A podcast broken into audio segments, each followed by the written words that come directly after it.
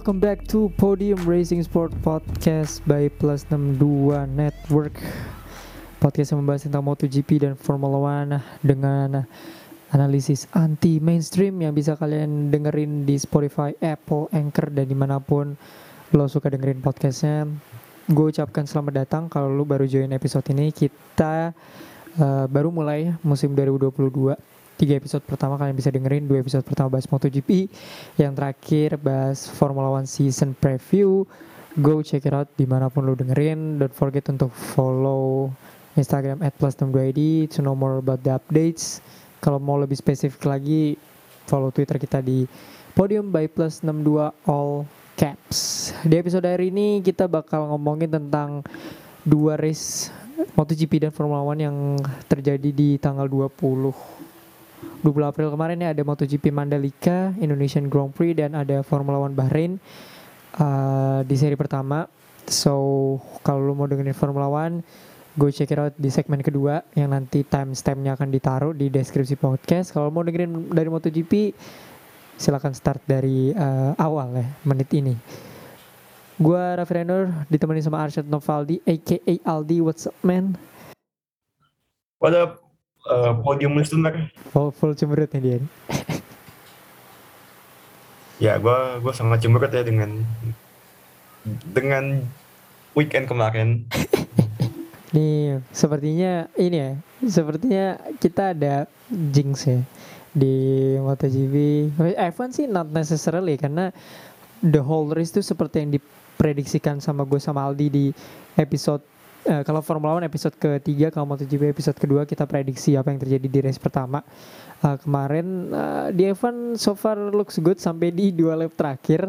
Yaitu Aldi yeah. prediksinya on cukup on point ya. Um, gue juga. Except McLaren. Uh, except McLaren except things ya uh, sama Gasly. Tapi looks good, looks good sampai dua lap, tiga lap terakhir. Tapi kalau di MotoGP, man, two of us are doom banget sih dengan prediksinya yang man man it's, it's still ini masih bulan ketiga dan kita sudah early jing sekali Aduh, segala gue upload lagi ya di Instagram prediction itu kayak kelihatan amatiran banget. Tapi ya memang MotoGP-nya udah agak unpredictable. Tapi before we go to that ya kita start dari MotoGP. Uh, Mandalika itu, man, super brutal. Kita udah ngomongin di uh, episode kedua ya, uh, in some instance. Jadi the whole weekend is special ya. Uh, dimulai iya. sama yeah. parade ya di Jakarta. Gue jadi pas paradenya itu hari Rabu kalau gue nggak salah itu hari Selasanya gue baru dengar kalau besoknya ada parade. Kalau mungkin gue udah dengar tiga atau dua hari yang lalu mungkin gue akan datang desek-desekan sama pegawai-pegawai kantor yang turun dari kantornya untuk ngevideoin parade itu. But uh, it's a fun parade. Gue nonton live di Twitter MotoGP dan di Trans 7 juga ya. Ini Trans 7 nih respect banget uh, nayangin parade kualifikasi sama race-nya. Respect banget ya. Uh, MotoGP ini. Uh, atmosfernya dibangun sedemikian rupa dari awal pekan kayak kayak whole whole weekend ya, whole week. Whole week itu bener-bener uh, lu kayak dikasih makan uh, news MotoGP apalagi kalau lu tinggal di Indonesia. Itu Evan tuh sorry banget ya tenggelam banget sampai mereka race race ininya Day. race race day-nya gitu. But uh, what do you think? Best Grand Prix week ever? Menurut lo um, what is what is the memo, uh, what is the most memorable moment dari uh, Indonesian Grand Prix? What do you think man? Eh by the way sebelum gua ke itu gua yep. ingin uh, giving big applause dulu ke Twitter eh Mimin at Dovi Power Indo fans yes, Dovi Yozo uh, harus dicontoh sama semua fans motorsport walaupun gue kayaknya nggak mungkin mencontoh. Karena man that was a uh, big sacrifice. Lu datang dari luar kota naik kereta nginep di masjid buat ngeliat Dovizioso. So yeah big applause to to him and about the MotoGP. Um, kayaknya atmosfernya dari semenjak udah testing sampai kayaknya Qatar GP kemarin juga kayaknya seolah-olah kayak apa ya, kayak ya udahlah cuman balapan doang. Tapi balapan itu cuman kayak atmosfernya kayak tertuju buat next race-nya malah. Nggak fokus ke race Qatar GP so kayaknya dari testing udah Mandalika Mandalika Mandalika uh, best weekend of MotoGP kayaknya belum ya. Karena gue merasa Mandalika ini masih banyak kekurangan. Mulai dari yang namanya akomodasi mungkin kalau tempat tinggal uh, menurut gue juga harus perbanyak lagi. Terutama ini sih akomodasi pak. Ini uh, penontonnya karena gue ngelihat banyak banget video-video amatir yang menunjukkan kalau jalannya masih lumpur men. Kasian penonton hmm, gue. True true. Gue setuju banget. Dan the race juga nggak kayaknya nggak the race juga kayak blow out gitu aja. Nggak nggak ada race yang benar-benar fight until the last of the lap for the winning karena kan pemenangnya juga itu pemenang Moto3 uh, eh, si Fauji ya? Fauji jauh banget. Fauji respect. Ya, 5 second. Abis itu Moto2 juga doesn't that ini dan Miguel Oliveira juga menang jauh kan? Ya mungkin 2 3 4 dong yang tipis-tipis. Jadi kalau buat best race of the season mungkin belum karena juga aspalnya masih aspalnya masih ini aspal masih belum benar aspalnya. Itu kan hanya soal sementara uh, mungkin poin yang penting yang bisa diambil dari balapan Mandalika ini adalah ini sih masyarakat di sekitarnya sih jadi bisa apa dapat sejahteranya lagi. Karena kan dua tahun pandemi mereka kan kayak seolah-olah kehilangan true true. apa jadi seenggaknya dengan adanya Mandalika ini bisa ketolong. Dan gue juga sangat menyesalkan ya masih ada apa ada sebuah media besar gitu yang menyebarkan berita hoax tentang hotel Waduh. di Mandalika gue sempat retweet tapi itu gue delete ada oh, ada lu delete lu delete gue gue iya, tuh kayaknya iya. gue quote tweet ya karena tapi tapi gue quote tweetnya bukan menyindir tapi ya ya you know gitu uh, the languages tapi yeah. itu itu itu menurut gue nggak perlu lah um, melakukan hal seperti itu ya karena gue banyak iya. media-media yang udah lu sebutin itu ya mungkin buat para pendengar yang tahu ya udah tahu-tahu aja gitu ya hmm. uh, trying to search for mistake gitu ya karena gue rasa nih yep. ini ini lucunya ya uh, sepertinya gue nggak tahu kalau di negara lain kayaknya race di sini tuh orang instead ngomongin race ya kadang ada ngomongin hal-hal yang sifatnya apa ya nggak penting satu ya Nah, untuk beberapa orang seperti gue gitu. Ya. Kedua agak political gitu sih. Menurut gue nggak um, nggak perlu lah. Kayaknya di kayak kayak gue rasa sejak uh, musim ini tuh kayaknya di kita doang deh yang kayak gitu. Gue nggak tahu kayaknya yang sampai lain tapi kayak kita doang deh. Simon Peterson juga Simon Peterson juga ini kan sampai apa bercanda sama temennya atau siapa yang gitu dia ngomong Agyo Kadrun. oh iya, really? Ada Oh damn. Di Twitter, di Twitter. Bro. Iya karena uh, eh, FYI ya, Simon Peterson ini kan uh, salah satu uh, jurnalis yang di MotoGP official dan dia tuh Iya namanya orang bule ya. Uh, orang luar tuh biasanya ngasih Agil. ini kan fakta-fakta pahit gitu kan untuk orang yang ngebaca gitu kan. Dia bilang ini tiketnya mahal banget dibandingkan uh, tiket-tiket di Eropa gitu. Terus ada beberapa hal yang dia kritisi gitu ya. Menurut gue wajar ya namanya jurnalis MotoGP official. Tapi ada beberapa orang yang merasa oh ini one sided banget. Waduh waduh, waduh. tapi ya udahlah orang-orang kan gitu ya salty. Termasuk Twitter kita ya di yang di quote tweet yep. dengan oleh buzzer masyarakat ya. Lucu itu gua screenshot tipis-tipis. Karena ini sebuah kebanggaan ya di untuk kita berdua uh, di mana kapan lagi diserang sama buzzer? Iya dan Maksud buzzer gua, buzzer itu bukan buzzer kayak buzzer Hamilton buzzer Verstappen bukan? Iya. Mungkin bisa mungkin di masa depan kita diserang buzzer Hamilton. Mungkin. Mengingat Mercedes yang musim ini sedikit underperform tapi gue lebih ini ya gue lebih meng-highlight ini ada loh seorang podcaster gitu. Uh, ininya tutup pintu. Dia karena ada pawang-pawang hujan itu ya, dia ini dia ngejulitin pawang hujannya, tapi diajak podcast. That's still hmm. the biggest why in my head until now. Mungkin listener pada tahu gue gue usah gue sebut hmm. nama.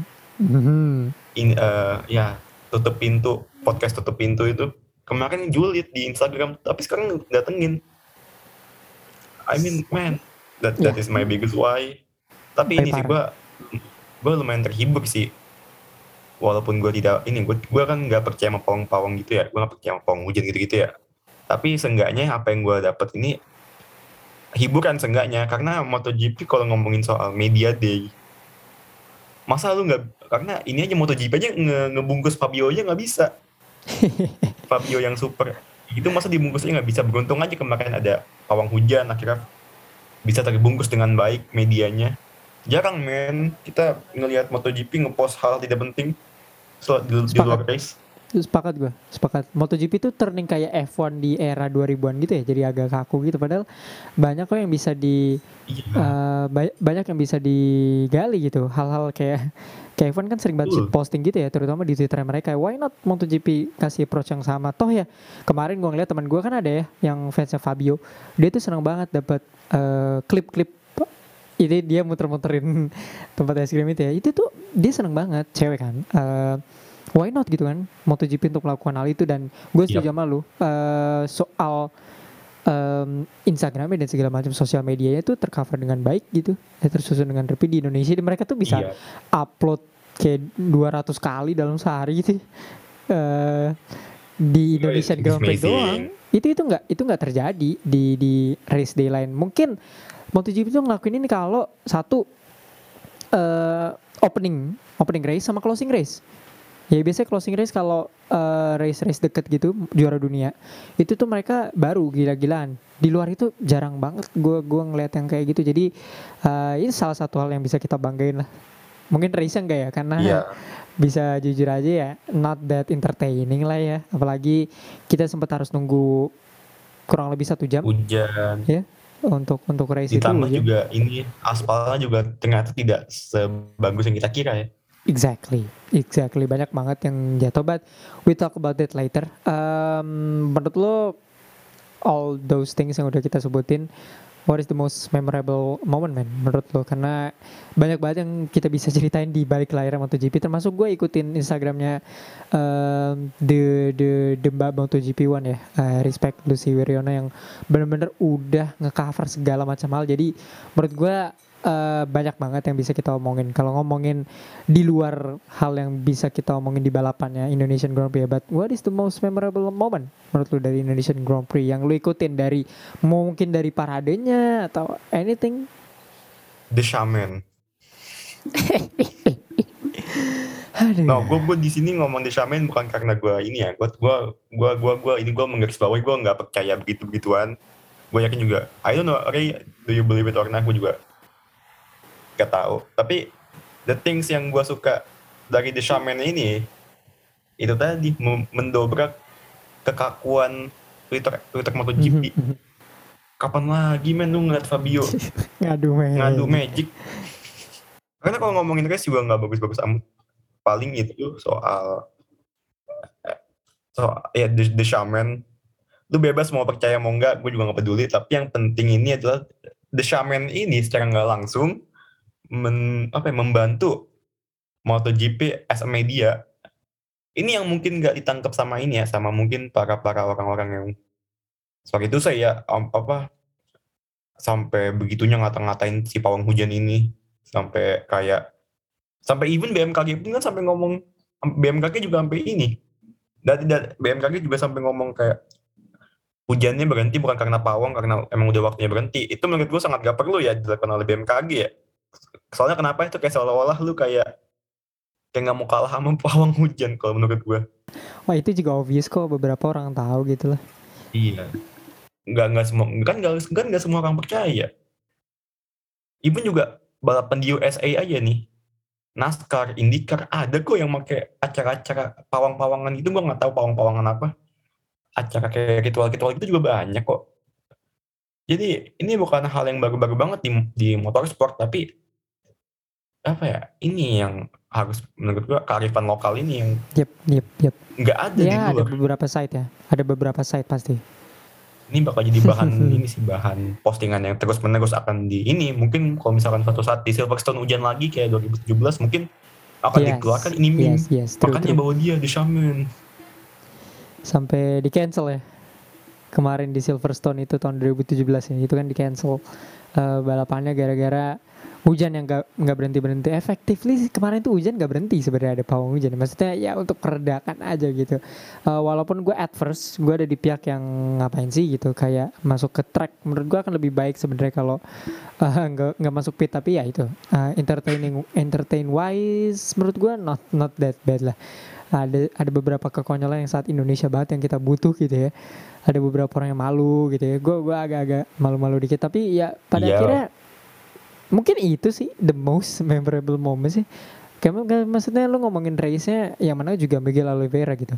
Dan gue yakin gue yakin banget orang orang baru tahu Oh, Miguel itu- Oliveira. Miguel Oliveira. Karena dia menang di situ sih.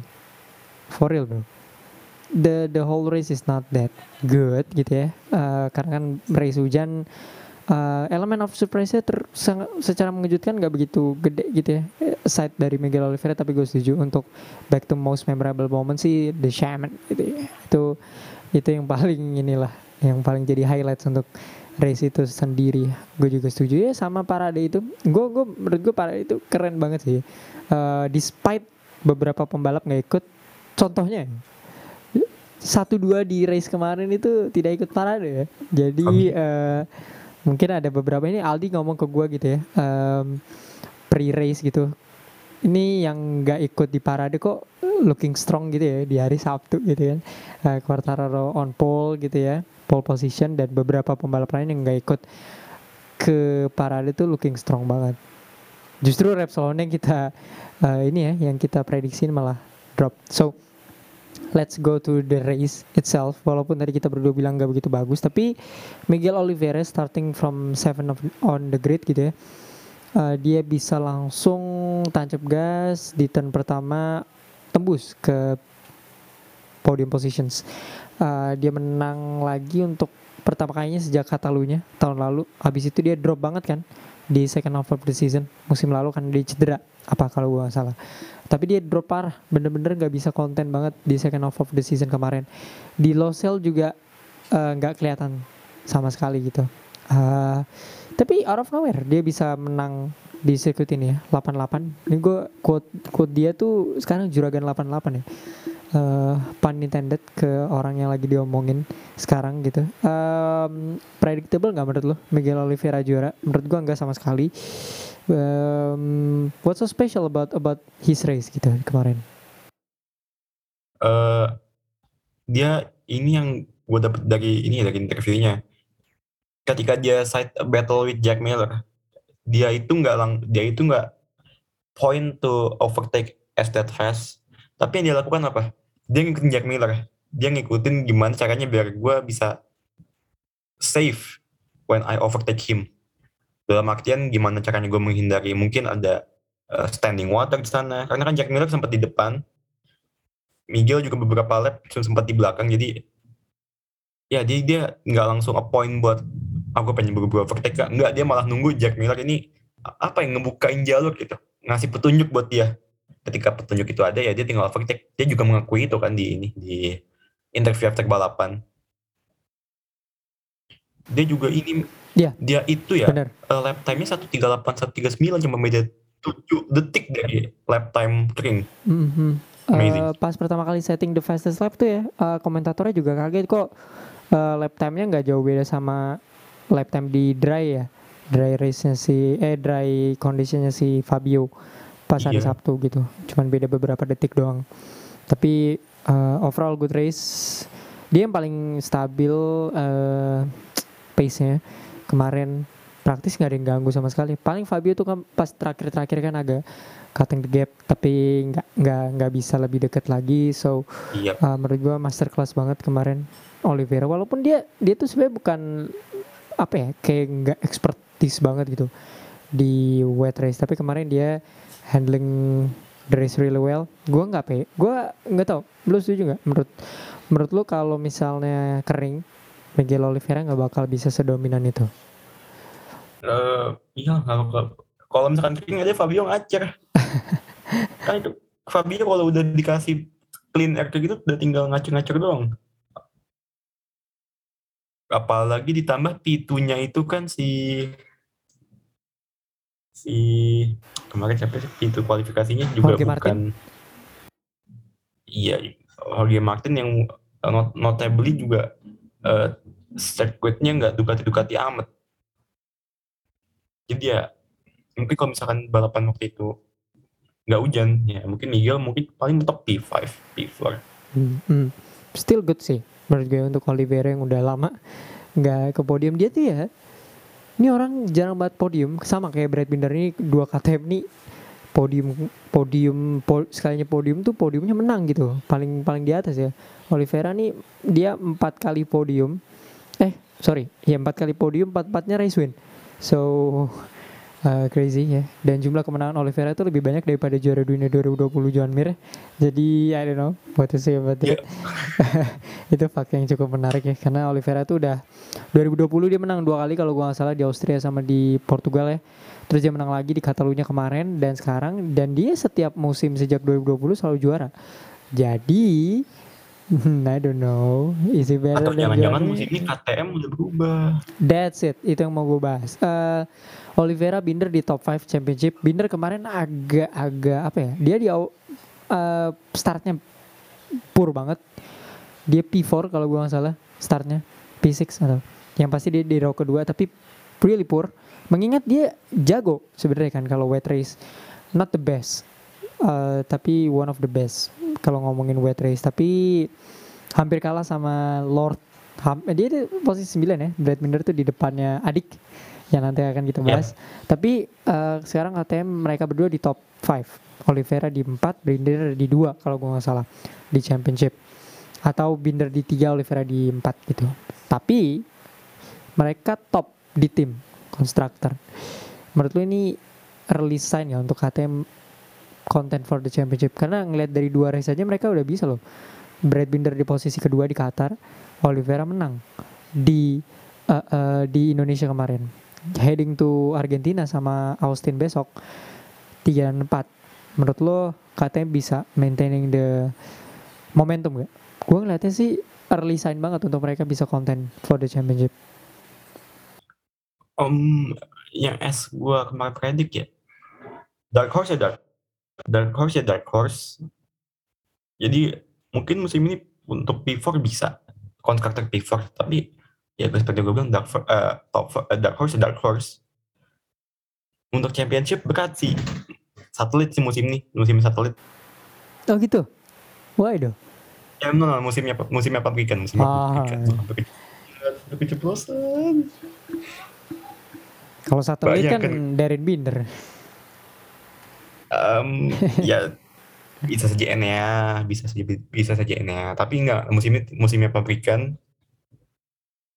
Oh, ya, tapi Dark Horse Dark Horse ya Dark Horse kayak bukan bilang gua sempat bilang vibes-nya ini vibes vibes Yamaha Monster 2016 yang motornya masih black itu.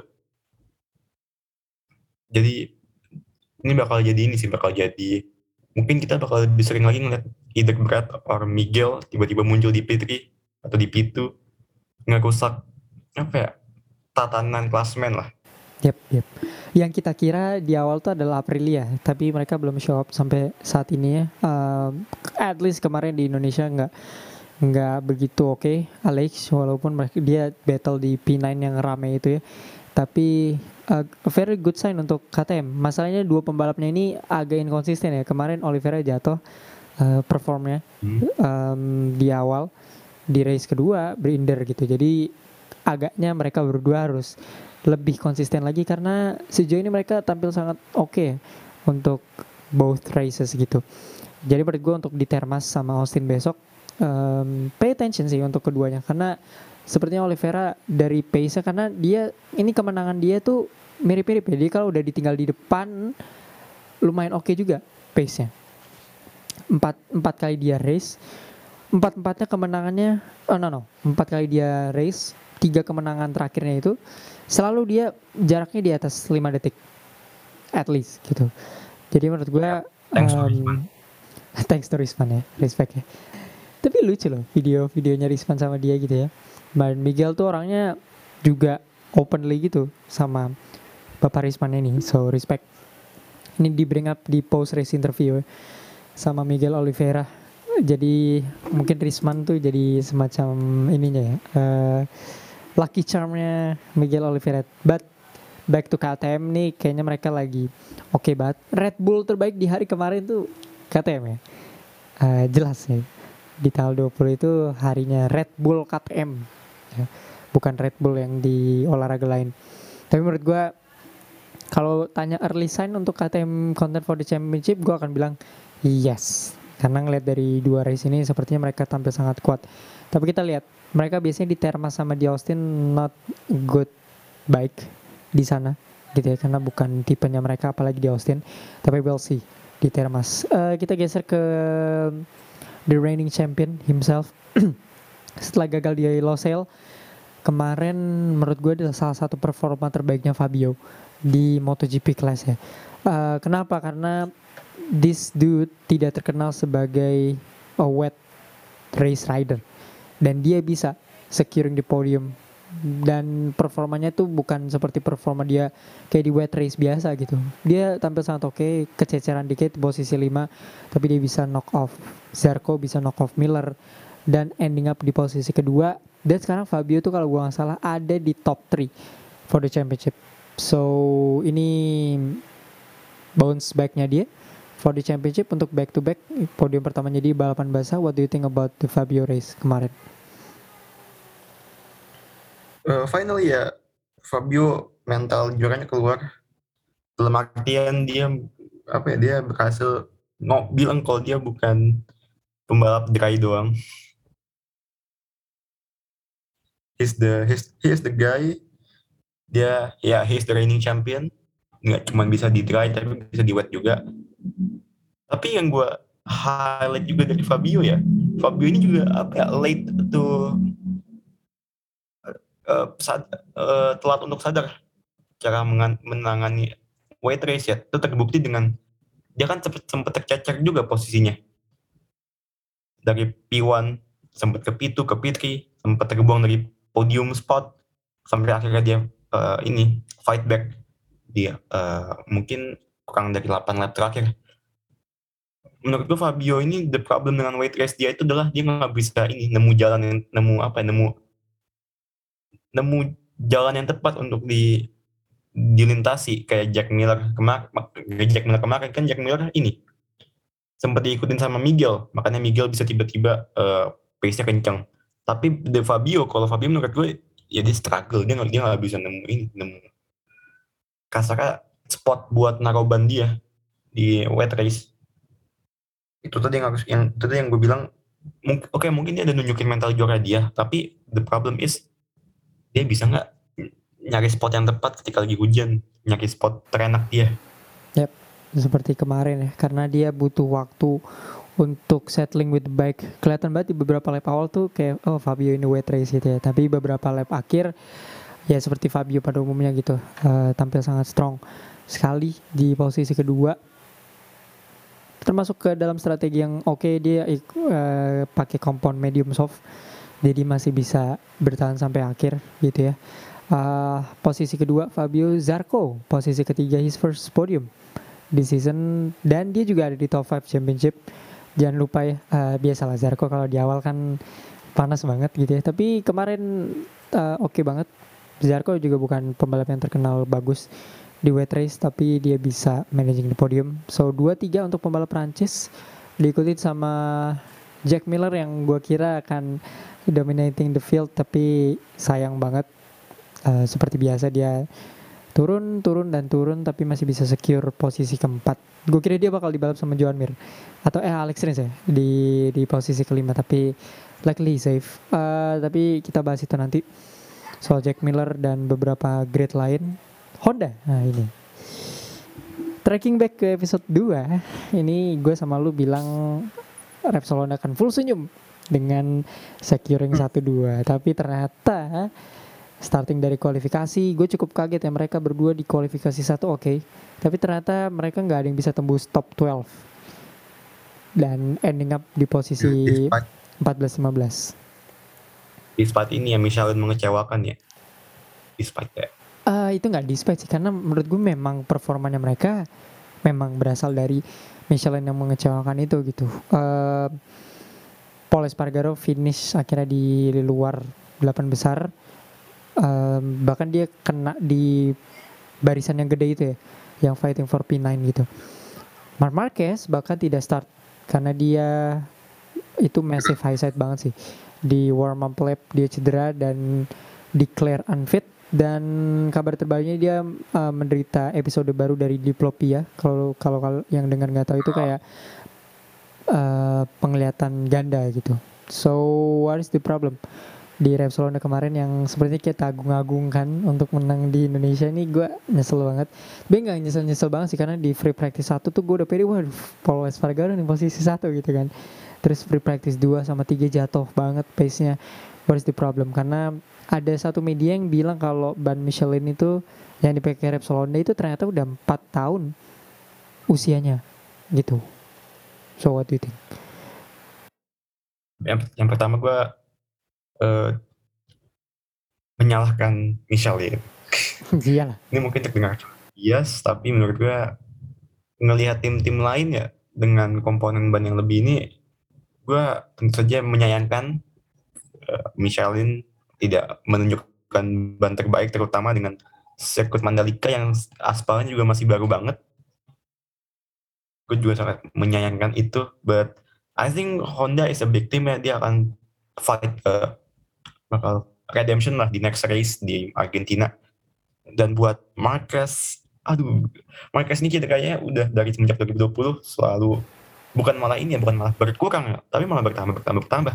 Tahun lalu kan dia juga sempat geger otak gara main sepeda. Bener. Kalau masih ingat. Betul. Setuju. Setuju, setuju. Physical issue terus ya. Sejak cedera dia di Heres kemarin, uh, bahu. Terus dia sempat ini kan, setelah cedera bahu itu dia sempat katanya memper eh, uh, cederanya memperburuk lagi karena dia buka jendela gitu terus geser gitu pennya terus dia cedera lagi dan lagi dan lagi dan yang terbaru dia ada isu sama diplopia gitu ya. So it's tough to see. Walaupun pace nya not that bad ya walaupun dia start dari officially dia harusnya start dari posisi 14 tapi um, display a good pace menurut gue tapi sayang uh, itu high side-nya menurut gue itu kacau banget sih. Gue agak agak kaget dan gue nggak kaget gitu dia pada akhirnya nggak ikut race karena kacau banget. Walaupun dia masih bisa jalan ya uh, maksudnya di pedok yeah. gitu uh, dengan menggunakan bungkusan yang kalau cedera gitu dia pakai itu. Tapi glad is okay dia juga udah post di Instagram uh, dia butuh waktu untuk recover. Kabarnya sih dia uh nggak ikut race di Termas tapi dia bakal balik di Austin so we'll see about that. His house Austin kembali di rumah? Iya betul. Uh, mencari sirkuit yang gampang untuk recover biar nggak malu-malu yeah. banget lah kalau balik ya kan nggak menang gitu kan. Kalau Austin kan selama kan kalau Austin tapi musuhnya paling, dia dia sendiri gitu. yang penting sih ini sih uh, faktor kesehatan itu sih. Percuma lu dapet gelar ketujuh kalau abis itu lu kayak Casey Stoner penyakit penyakitan mulu. Ya betul betul betul sayang banget ya walaupun dia masih willing to race belum ada sign sign untuk minggir dikit. Tapi about the Michelin tire ini kayaknya bukan isu pertama. Gue kaget loh yang dibilang uh. usianya tuh udah empat tahun gitu. Dan Paul Espargaro kabarnya dia marah-marah tuh habis kualifikasi. Uh, apa-apa nih kata dia gitu. Ini bukan ban yang kita harapkan dan gue nggak mau alasan ya tapi sepertinya prediksi gue dipatahkan gara-gara ban sih bukan performa Paul Espargaro sih. Uh, karena kan kayaknya empat tahun terakhir ban itu jadi elemen yang juga penting. Walaupun dulu-dulu juga ya. penting cuman kayaknya sekarang kompon ban tuh penting banget. Jadi gue bisa bilang performanya performanya Paul kayaknya tahun lalu eh tahun lalu ke, balapan kemarin tuh bukan karena uh, dia emang gak bisa kuasain Mandalika sih karena memang bannya aja yang bermasalah. Empat tahun loh, man. Michelin ini bertahun bertahun, ta uh, tiap tahun loh ada isu. yang protes. Ini always the isu. Aduh, aduh. Dulu dulu kalau gue nggak salah kayaknya Rossi deh yang paling an anti sama Michelin kalau nggak salah ya. Dia dia dia selalu karena kan makanya itu dia dari 2007 ke 2008 dia pindah ke Bridgestone karena dia merasa Michelin bukan bukan dia gitu apalagi kan ada dulu pas MotoGP 2 itu ya dua supplier itu dia lebih milih Bridgestone karena dia pas pakai Michelin orang lain pakai Bridgestone uh, kalah kan dia. Jadi dia lebih suka pakai Bridgestone dibandingkan Michelin. Nah ini ada masalah terus. Gue nggak tahu eh, kontraknya sampai kapan sama Michelin. Tapi do you think MotoGP harus consider untuk I don't balik ke Bridgestone atau ganti supplier lain gak? Kalau menurut gue udah ini banget sih. Michelin ini kayak udah kayak udah ini banget lah. Kayak udah bukan eranya lagi deh untuk masih jadi single tire supplier gitu. Eh, Michelle ini kan dari, dari 2016 ya. Ya, 2016. Udah jalan 7, 7 tahun, 7 musim mungkin sampai sekarang ya. Dan eh protes dari pembalap itu lagi, performa bannya. Dan gue juga nggak ngeliat Michelin ini ada apa ya. Mungkin di di pabrikan mungkin ada ini ya, ada semacam kayak eksperimen untuk mengembangkan ban, tapi drivernya nggak, driver nggak ini kok driver nggak nggak nggak merasa nyaman. Jadi gue ini gue rasa untuk menunggu hasil dari proses mereka kelamaan sih. Lebih baik lu cari aja tire supplier yang kira-kira nih eh, bener-bener suka sama olahraga lu biar mereka juga mendengarkan kata-kata pembalap. Tujuh tahun men, tujuh tujuh musim lu diprotes mulu sama pembalap. Iya, iya. Bridgestone aja, Bridgestone aja ini kok dari 2009 2015 jangan dikomplain kok. jarang. Mungkin saat itu kita masih belum dapat banyak berita seperti sekarang ya, tapi jarang banget itu. Pembalap komplain sama Bridgestone tuh jarang banget. Michelin tuh setiap tahun ada aja isunya, terutama pembalap dari Yamaha ya. Dan isu dulu kan lu ingat gak sih dulu ada isu ban goib gitu. Itu kan pas Michelin ya. Jadi menurut gua eh coba cari tire supplier yang lain sih. Nggak tahu Dunlop atau Pirelli yang mau masuk gitu ya. Kayak Bridgestone Nah, nggak mau balik deh untuk ke MotoGP feeling gue. But ya itulah isu dari Repsol Honda. Yang pasti speedy recovery untuk Marquez. Semoga dia bisa balik di Termas. Tapi kalaupun nggak nggak perlu in rushing. Um, gue baca ada yang bilang Marquez is wash gitu ya. Ya, tapi gue nggak mau komentar lebih. Dia dia nggak salah, tapi gue tidak bisa membenarkan itu juga karena dia belum 30, jadi dude still got uh, anything left in his back gitu ya. Jadi kita menunggu aja uh, kondisi fisik Marquez yang pasti kalau lu masih harapin dia kayak 2019 sih udah nggak mungkin banget ya. Ta- Tapi masih ada yang bisa dicari sih. Eh, pesan gue untuk Marquez tolong jangan cari limit terus ya.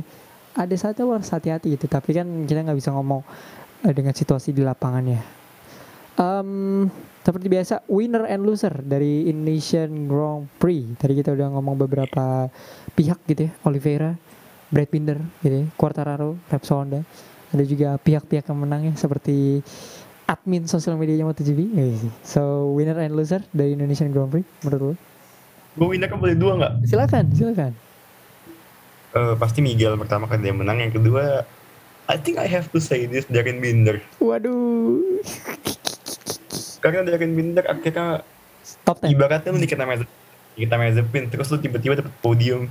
Ya ini Darren Binder ini. Karena ini loh dia sebelum menuju balapan ini dia sempat dapet apa ya yang tak dari Remy Gardner itu sempat dibilang sama Remy Gardner katanya kayak apa ya menurut gue statement yang agak rasis dari Remy Gardner kayak ke Darren Binder. Jadi ini menurut gue apa ya the most kayak lu ngerti gak sih yang tak life tak life itu? ya ya itu ya Darren Binder Darren Binder winner and the loser is gonna be uh, Pecco Bagnaia karena Oh. dia fall down 15 loh dia. Cuma satu poin dalam Ya. dua race. Sayang banget. Ya, setuju, setuju. Oke, eh, gue coba cari approach lain. Eh, winnernya menurut gue KTM ya jelas. Eh, mereka bisa menang lagi sih, it's something. Apalagi wet race gitu ya, back to back mereka secure podium. Eh, it's a very good race dari KTM. KTM secara whole ya, karena Brad Binder kuat banget di kualifikasinya. Walaupun tag 3 masih belum kelihatan banget ya. Kayaknya Raul Fernandez sama Remy Gardner ini jarang di show di TV ya kalau race. Jadi eh kita lihat tag 3 ya. Katanya bosnya Herve Pongkaral itu bilang, nih Remy, ayo dong. Gimana sih kok dua race nggak kelihatan ya? Terus katanya Remy Gardner ini pas balapan ada ini air masuk ke dalam helm jadi ya lu pernah gak sih kalau naik motor terus helmnya tuh lembab gitu kan gak enak bau gitu ya jadi mungkin dia terpengaruh dari kayak itu tapi Winner menurut gue KTM sama. Ya gue mau bilang Darin Binder juga sih jalannya eh, sepertinya gue nggak mau minta maaf dulu ya karena kan baru satu race ya. Dibantu sama weight race juga lah jadi ada ada elemen laki lah di situ ya. Tapi respect tetap dia bisa balapan sama abangnya yang 5 level jauh lebih baik daripada dia sih menurut gue sangat oke mudah-mudahan dia bisa display ini di Teramas karena Teramas dari Hondo tuh bukan apa ya bukan sirkuit yang buruk untuk Yamaha. Jadi mudah-mudahan dia bisa get point lagi. Gue berharap dari Minder dapat poin lah hebat banget di di musim ini. Setelah dijelek-jelekin di seri pertama tapi respect sama Jack Miller sih menurut gue winner. Kenapa? Karena eh, at least dia udah dapat momentum lah.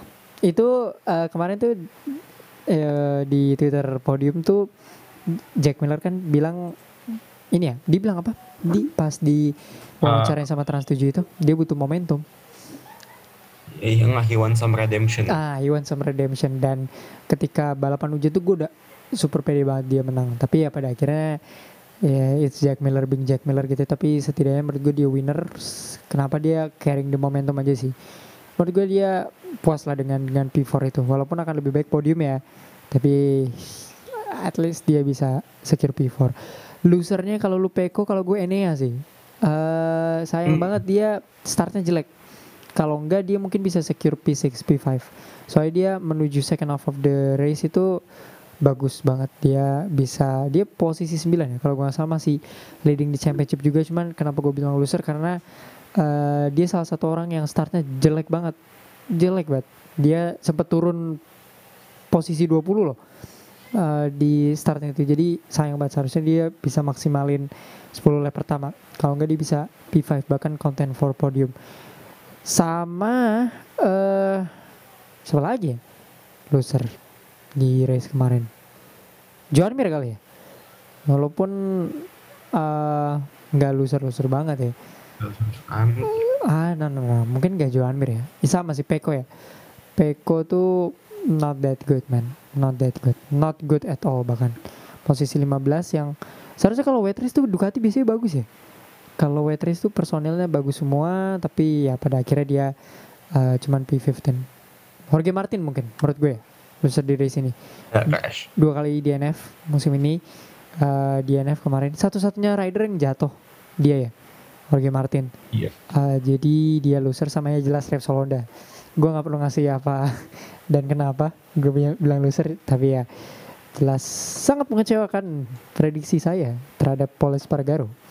Tapi tetap ya kita lihat di race selanjutnya mudah-mudahan Paul tanpa Marquez masih bisa konten lagi. Kita geser ke F1 kali ya.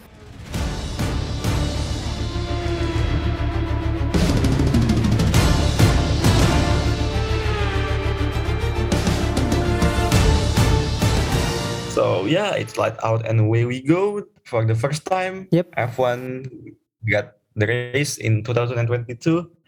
Eh, kemenangan perdana, eh kemenangan, kemenangan perdana bagi Perdana. Ferrari di musim ini Yes sir. P1 P2 terakhir kali eh, eh, konstruktor P1 P2 di F1 2021 kemarin Monza, McLaren dan terakhir kali Ferrari P1 P2 itu Singapore 2019 19 kemenangan terakhir Sebastian juga. Vettel ya Sebastian Vettel and Charles. Dan terakhir kali eh enggak. Dan ketik terakhir kali P1 P2 di Bahrain itu Ferrari juga. dan Hamilton di P2 itu 2010 Felipe Massa Alonso dan and and the rest we know that Alonso and Massa rib, nggak ribut sih. Apa bahasa yang bagus ya? Eh, lebih ke Tim order. ya lebih ke tim order musim ini mungkin kejadian tapi nggak kita nggak langsung kita, kita langsung ke Ferrari karena menurut gua tuh early walaupun gua ingin ngebahas Ferrari tapi itu early. Jangan jangan langsung ke Ferrari dulu. We gonna start this segment with Mercedes. What's wrong with Mercedes and all their users? All, and apa ya and all their consumer consumers. Mercedes dan konsumernya ini slowest car in the grid ya? Yep. ini terbukti dengan eh, data speed trap-nya mereka paling low di data speed trap even eh, pembalap terlambat atau pembalap paling lambat itu adalah Nico Hülkenberg. Di speed trap dia cuma 310 km per hour. Dua dua ter dua terendah setelah Hulkenberg siapa? Eh, Ricciardo, Oh Stroll. man. Danny Rick. Even fun fact, George Russell, Russell itu ini urutan ke-17. Eh, berarti empat empat terendah ya? George Russell, Mercedes loh, Iya, pabrikan. Empat terendah. Pabrikan mereka empat, empat terendah. Jadi, menurut lu tentang kelambatan Mercedes in straight line ya?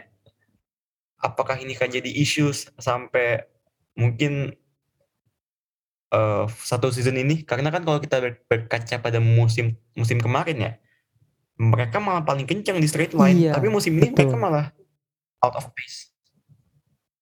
Betul betul. Abang-abangannya straight line harusnya mereka ya. Tapi kok Iya, ditron banget. Bahkan eh, di race start itu Lewis Hamilton sempat toe to toe sama K-Mac kan. Bahkan mereka nggak Iya. sesuperior tahun lalu tuh di straight line. Malah Red Bull ya. Yang kemarin Max Verstappen tuh kelihatan Iya. banget straight line speednya.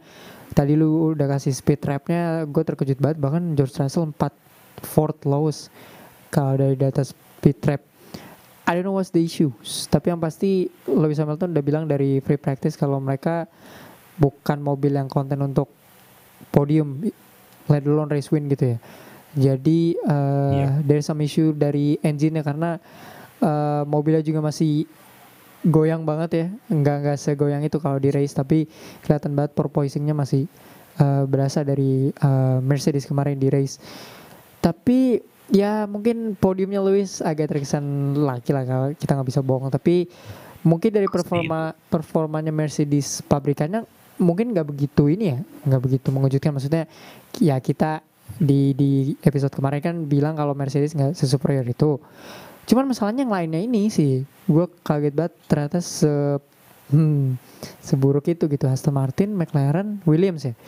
Tiga-tiganya itu tim tiga terendah di Bahrain kemarin bahkan McLaren nggak ada ini sama sekali. Lando Norris tuh beberapa klip beberapa lap itu di overlap loh. Dia itu catatannya dua menit lebih lambat dibandingkan Charles Leclerc.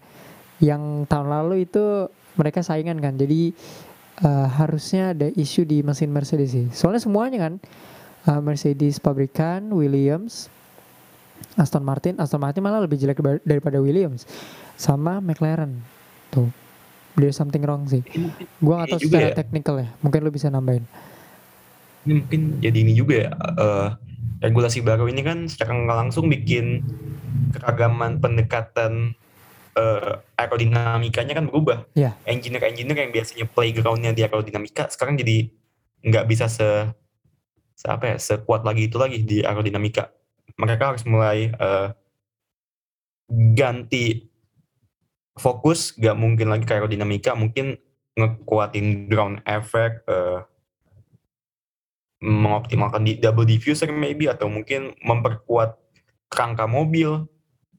Jadi kalau melihat line up engineer-engineer Mercedes dan para user-user ya yang emang tactically sangat kuat di aerodinamika, ya beneran aja musim ini musim ini mereka pasti keteteran karena ya ya play- playground mereka kan selalu ini selalu aerodinamika bukan internal bodies gitu.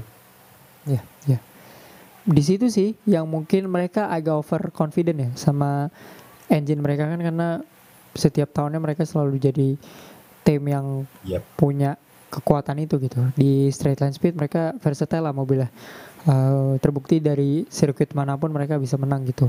Mau sirkuit yang requires mobil yang low rake atau high rake tahun lalu gitu, mereka bisa aja gitu. Oh ya by the way, by the way menurut lo high rate low rate ini masih bakal jadi ini nggak? Bakal masih menjadi perbincangan hangat nggak Ah, kelihatan dari, dari musim lalu nih? dari kemarin kan Red Bull ya eh, mereka kan mobilnya walaupun ini nggak ada low rake sama high rake tapi mereka tetap lebih tinggi kan Mercedes makin mas- masih pakai approach yang sama dan seluruh mobilnya eh, fail so I think sepertinya masih kayak gitu. Tapi tahun ini nggak begitulah. Soalnya kan ada ground effect itu kan. Jadi sepertinya nggak berpengaruh. Tapi mobil Mercedes kelihatan banget goyangnya di straight line kemarin dari Jumat Sabtu sampai Minggu. Jadi itu jadi isu sih untuk mereka. Sama pit stopnya. Mercedes tuh lambat banget. Kemarin 3 3 detik. Ya sekarang lebih lambat ya. Pit stopnya kan bannya Iya. lebih gede. Tapi mereka Tapi agak lambat menurut gua Eh, di stop keduanya Hamilton deh kalau nggak salah. Mereka strateginya nggak begitu bagus. Eh, agak ya namanya mereka battling untuk 3 sama 4 ya. Jadi strateginya tidak untuk menang. Tapi Hamilton tuh masuk pertama kan kemarin pit stop Iya. pembalap pertama. Dan itu kan dia questioning kok kita yang masuk pertama ya? Jadi menurut gua strateginya pelan-pelan aja lah. Toh mereka mereka juga harus sadar kalau mereka pace-nya un- bukan untuk race win. Jadi strateginya nggak usah ngejar race win gitu. Nggak perlu lah kalau kayak gitu. Menurut gue itu strategi untuk ngejar race win kemarin tuh. Dan ternyata nggak works ya. Iya. sangat tidak works karena mereka tidak kuat ternyata mobilnya. Tapi fun fact about Mercedes ya. Mercedes ini kemarin di balapan kemarin itu eh mereka ngomong eh, bahwasannya penyebab mereka melempem itu karena downforce mereka terlalu besar karena ini karena Oh. eh, mereka sangat down to the ground walaupun gua rasa nggak sih begitu down to the ground ya karena kayaknya percikan api dari mobil Hamilton nggak sebanyak Verstappen ya. iya Meanwhile, meanwhile McLaren, Lando and Daniel mengaku kalau mereka mobilnya merasa ketinggian mobilnya. oh gitu oke Menurut lu ini nggak sih empat tim Mercedes ini perlu kerjasama nggak sih musim ini? oh iya Dalam iya artian jelas jelas dan nggak perlu nggak perlu saling senggol lah. Dalam artian ya udah kita bareng-bareng aja sama-sama build up. Karena namanya Williams, Aston Martin, nggak ini, Asli. nggak works. sama sekali sama sekali kelihatan kan eh ya gue aja kaget Ferrari bisa over, over- overlap McLaren kemarin ya Ricciardo tuh nggak ada ini sama sekali deh nggak ada ini nggak nggak digerak sama sekali. Kalau Ricciardo oke lah dia kan habis covid gitu gitu kan alasannya. Lando Norris men. Ya, masih dimaafkan. Lando Norris 18 gila lu bayangin aja deh. Itu mungkin nggak 18 atau 17 kemarin dia finish tapi nggak sesuai ekspektasi kita. Kemarin dia kuat banget di awal kan. 8 race berturut-turut dia selalu ada di P4 tapi eh, di race ini nggak ada tajinya sama sekali. Jadi menurut gua coba difokusin dua kan McLaren juga punya dana gitu ya. Williams juga gitu kan Iya. Aston Martin juga. Ini kan empat tim yang agak kaya-kaya gitu kan. Jadi menurut gua nggak perlu ada fokus di one tim sih. Ya namanya tim Mercedes ya fokusnya engine-nya di Mercedes gitu ya. Tapi McLaren is secara historis tim yang punya sejarah dan mereka posisi 4 konstruktor musim lalu. Jadi mungkin di mid season bisa di consider sih untuk kayak gitu gue setuju. Mungkin ini ya eh one things yang mungkin McLaren bisa bawa ke Jeddah nanti itu satu McLaren eh, Jeddah itu kan sirkuit yang mengandalkan tenaga Ya. bukan mengandalkan grip. Mungkin McLaren bisa mencuri poin sih di Jeddah di Saudi GP I hope so dan gua rasa juga para fans McLaren juga berharap itu tapi ini ya gue gue meng-highlight one things yang gue suka dari McLaren. Bahwasan mereka udah punya satu eh, pedoman kuat atau apa ya, eh, buk- sebuah dasar yang kuat bahwasanya eh, reliability, reliability mereka tidak akan jadi masalah musim ini. Gue setuju. Karena bisa sampai terakhir. Dan gak ada isu dari dari kedua pembalapnya kan masalahnya tentang mobilnya kurang cepat aja gitu kan. Effectively. Simpelnya kayak gitu. Tapi aman. Reliability-nya Mercedes aman. reliable reliable- walaupun reliability mereka tidak bermasalah tetapi musim ini justru malah masalah itu datang dari namanya entah yang namanya brake steering floor. Menurut lu problem-problem apa? Mungkin kalau di tim-tim lain kayaknya kasarnya problem-problem problem-problem receh ya bukan bukan bukan, bukan receh sih istilahnya problem yang jarang terjadi ya. Menurut lu what's wrong dengan McLaren ini? What's wrong dalam artian mereka musim lalu sangat kuat dan musim ini kenapa tiba-tiba problemnya datang dari bukan dari engine malah datang dari parts of the car? Terlalu fokus mengembangkan satu hal jadinya satu hal lagi live out sih menurut gua. Karena banyak sih kan tim yang kayak gitu ya beberapa tim yang kayak lu bilang di episode kemarin kan ada dua tim ya yang katanya gagal atau miss dari pengembangan mobil. Well salah satunya kita bisa setuju mungkin itu McLaren Uh, kayaknya mereka terlalu fokus kepada satu hal. Jadi ada beberapa parts yang nggak keurus lah uh, kasarnya gitu. Jadi menurut gua ada beberapa yang miss sih di di McLaren. Buktinya mereka pace-nya kalau gua nggak salah dengerin Croft minggu lalu tuh satu sampai dua bahkan lebih eh, detik dari Leclerc di posisi satu. Ya itu lambat banget Iya. sih pace-nya jadi kayaknya mereka harus fokus Padahal di juga- pace dan parts-parts yang tadi miss sih. Mercedes man eh McLaren masalahnya. Seharusnya mereka nggak nggak lupa Tapi- sama ini. McLaren juga menurut info juga lagi ini apa eh, appointing buat pasti tentu saja aerodinam, aerodinamika re- revisi ya. Karena ke- sepertinya aerodinamika mereka tidak works di balapan Bahrain kemarin.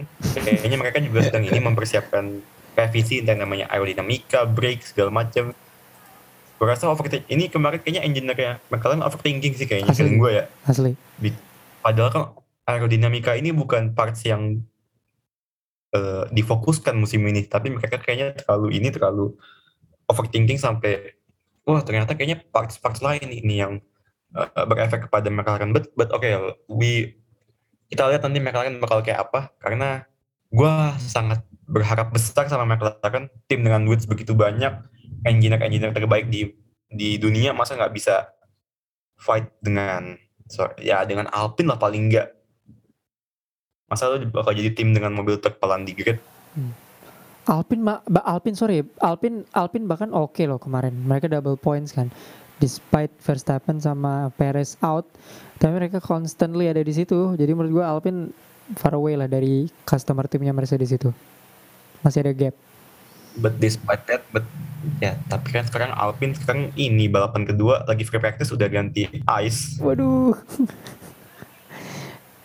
Dan mobil lu sulit. mobil dua race udah ganti ice ya aneh aneh juga. Tadi gue nyempet senggol Mercedes dikit gue gak bakal nyenggol Aston Martin and Williams dan gue rasa Aston Martin and Williams nggak interesting to watch walaupun ya ada Albon sana gue di sini gue ingin meng-highlight bahwasannya Mercedes sempat mengeluh kalau mereka mengaku downforce-nya terlalu besar ya. Jadi, mereka mengaku jadi problem Meanwhile tadi keterbalikan dengan McLaren, mereka ngomong kalau downforce mereka terlalu kecil jadi problem. Um, gue gak tahu apakah ini sebuah uh, media game atau whatever. Tapi menurut lu nih, kemarin itu Seidel ini terlalu ini gak sih? Terlalu fokus ke, ke ini gak sih? Ke aerodinamika sampai lupa parts-parts kayak floor and lain-lain.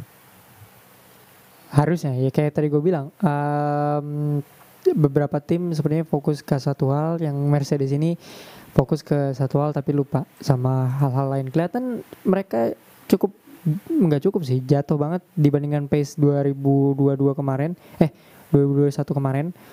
Em, bahkan mereka nggak Perez tuh eh Hamilton itu nggak bisa ngelawan Perez seperti di Abu Dhabi kemarin. So there must be something wrong. George Russell walaupun dia bisa secure top 4 finishes tapi nggak ada baunya sama sekali gitu. So there's must be something wrong. Dari Mercedes yang mungkin bisa lu eh, tambahin nanti. Tapi kalau baik kalau untuk pabrikannya sepertinya nggak masalah gitu. Masih mereka masih di top 5 walaupun eh, mereka nggak seperti sedominan musim lalu gitu. Jadi kayaknya mereka nggak sandbagging lagi sih. Tahun ini emang beneran beneran bapuk gitu. Fun fact, speednya gue Yuzu kemarin lebih cepat daripada George Russell di speed trap. gimana sih? That is the Wonderkid kok kalah sama mas-mas Tiongkok. Even fun fact lagi ya, Valtteri Bottas itu kemarin having a better speed than Hamilton. That is the worst facts that I ever read di materi gue hari ini. Ngomongin about speed, gue rasa kayaknya Mercedes kayaknya speednya nggak bakal kenceng di straight line. Dan gue, gue yakin juga Ray setuju soal itu. St- Straight line tahun ini akan jadi miliknya Honda and Alpine, gue yakin soal itu. Grip Ferrari, tapi kalau all rounder gue rasa musim ini belum ada mobil yang all rounder ya buat musim ini ya karena baru satu race uh, I think Mercedes jangan banyak-banyak karena menurut gue ada yang lebih penting daripada Mercedes. Red Bull Power Train. Go to Red Bull Power Train. Red Bull Power Train ini sebenarnya kan uh, orang-orangan Honda lagi ya. Dengan nama doang yang baru. Mungkin dengan income yang lebih lebih besar dengan adanya Oracle. Tetapi di balapan kemarin tiga mobilnya memiliki isu dan isunya ini agak mirip-mirip ya. Eh, mulai dari Pierre Gasly yang baterainya bermasalah sampai merusak MGUK-nya sampai kebakar. Eh, Max Verstappen steering eh, steering rod-nya bermasalah, eh, fuel pump-nya bermasalah. Gue nggak tahu mungkin MGUK-nya juga ada berma- bermasalah. Eh, Sergio Perez fuel pump fuel pump-nya bermasalah, eh, losing power at the last lap, walaupun spin ya.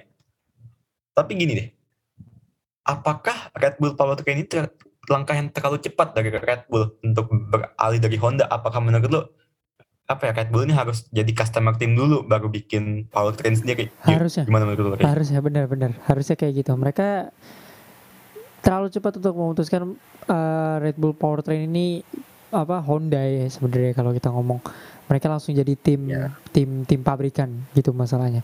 Kemarin eh ya the best ability kan reliability gitu ya. Kalau kata WNF1 podcast gitu. eh pace-nya nggak usah ragu ya. Maksudnya kemarin duel Verstappen sama Leclerc itu eh, Verstappen masih skillnya masih berbicara. Eh, lu bilang juga Gasly eh, bakal jadi kejutan 20 30 lap itu masih eh, oke gitu ya.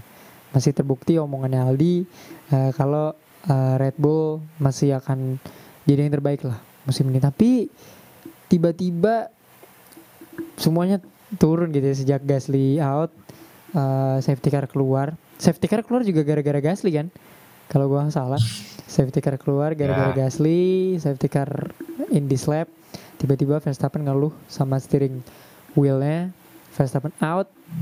Eh, tiba-tiba Perez out of nowhere muter di turn 1 jadi menurut gua eh, harus ada yang diperbaikin dari Red Bull juga. Sama kayak Mercedes sih tadi. Mungkin bedanya Red Bull punya pace Mercedes enggak. Tapi Mercedes punya reliability Red Bull nggak punya gitu. Eh baik tiga mobil bro. Eh punya isu yang 11-12 gitu. Walaupun Verstappen juga mobilnya nggak meleduk-meleduk kayak Perez sama Gasly tapi yang jelas kita tahunya ada isu lah dari mobil ini. Karena Verstappen sebelum dia out kan fastest lap-nya milik Red Bull Hmm. kalau gua nggak salah. Eh, entah itu Perez atau itu si Verstappen. Lalu dia out dan dia nggak bisa uh, push lagi. So there must be a something yang harus dibenahin di Jeddah tapi harusnya di Jeddah sirkuitnya mereka juga ya karena kan um, fastest street circuit. Jadi harusnya Verstappen yang menang di sini tapi ngelihat dari isu yang kemarin harusnya mereka mikir lagi sih soal reliability-nya. But what do you think dari Red Bull sama powertrain Eh, Red Bull Powertrain alias Honda KW2 ini karena gue rasa permasalahan ini malah mirip kayak 2015-2016 ya. Fuel fuel lagi. Mungkin ini akan jadi ribet di strateginya karena kalau lu naruh fuel yang berlebih mobil lu akan berat dan lu nggak bisa nge-push dari awal tapi kalau lu naruh fuelnya pas-pasan ya lu masa mau Bahrain GP terulang berkali-kali tiap race mereka pun juga kan nggak bisa selamanya ini pole terus kan nggak bakal Red Bull itu kan nggak bakal selamanya bakal pole terus pasti ada kadang-kadang di P2, P3 kualifikasinya. Jadi hal terpenting yang harus di Red Bull fix ini gue rasa ya tentu saja mobil dan kedua ini mereka harus bisa beradaptasi ya sama strategi mereka ya. Dalam artian lu gue rasa buat beberapa race ke depan mau nggak mau eh, fuelnya harus ditambah berlebih, agak berlebih dalam artian lu nggak bisa nge-push dari awal. Itu mungkin kedengar- kedengarannya agak sedih ya, tapi feel, ber- feel yang berlebih di awal itu ketika nanti di akhir itu malah jadi keuntungan buat lu sebenarnya. Tapi kalau lu gapnya nggak kejauhan, tapi kalau gapnya udah 10 detik, 15 detik ya udah, it's done.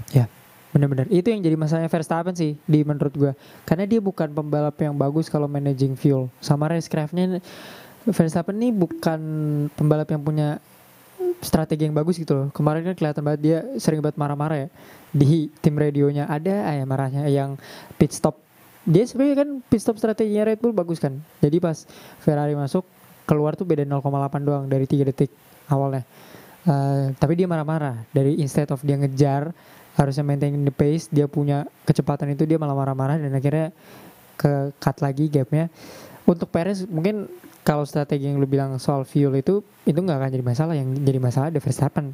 Nanti karena menurut gue dia bukan a good strategy sih kalau ngomongin itu. Makanya dia selalu low fuelnya kan supaya dia bisa attacking itu. Walaupun manajemen fuelnya nggak buruk tapi not the best strategy sih di Formula One ini yang gue ini ya gue gue di episode kemarin gue bilang Alfa Tauri ini mobil yang paling apa paling plagiatnya bukan plagiat apa paling coba-cobanya Red Bull. Kalau masih listener masih pada inget gue bilang Alfa Tauri ini benar-benar ketara banget jadi bahan coba-cobanya Red Bull. Dan di race kemarin Alfa Tauri Alfa Tauri. Menurut gue tim paling stable di musim ini dan musim kemarin ya cuma Alfa Tauri sih. But ini nih gue ada satu pertanyaan buat lu Sing Alpha Tauri this fast se secepat ini. Bahkan dia uh, speed recapnya aja top 10 top 10 betul. Dua-dua pembalapnya. Menurut lo kalau misalkan nanti Red Bull Power itu kan di tengah-tengah musim gitu mau menaruh upgrade perlu nggak sih Alpha Tauri ini di upgrade lagi aerodinamika revisinya? Kalau misalkan nama Red Bull perlu.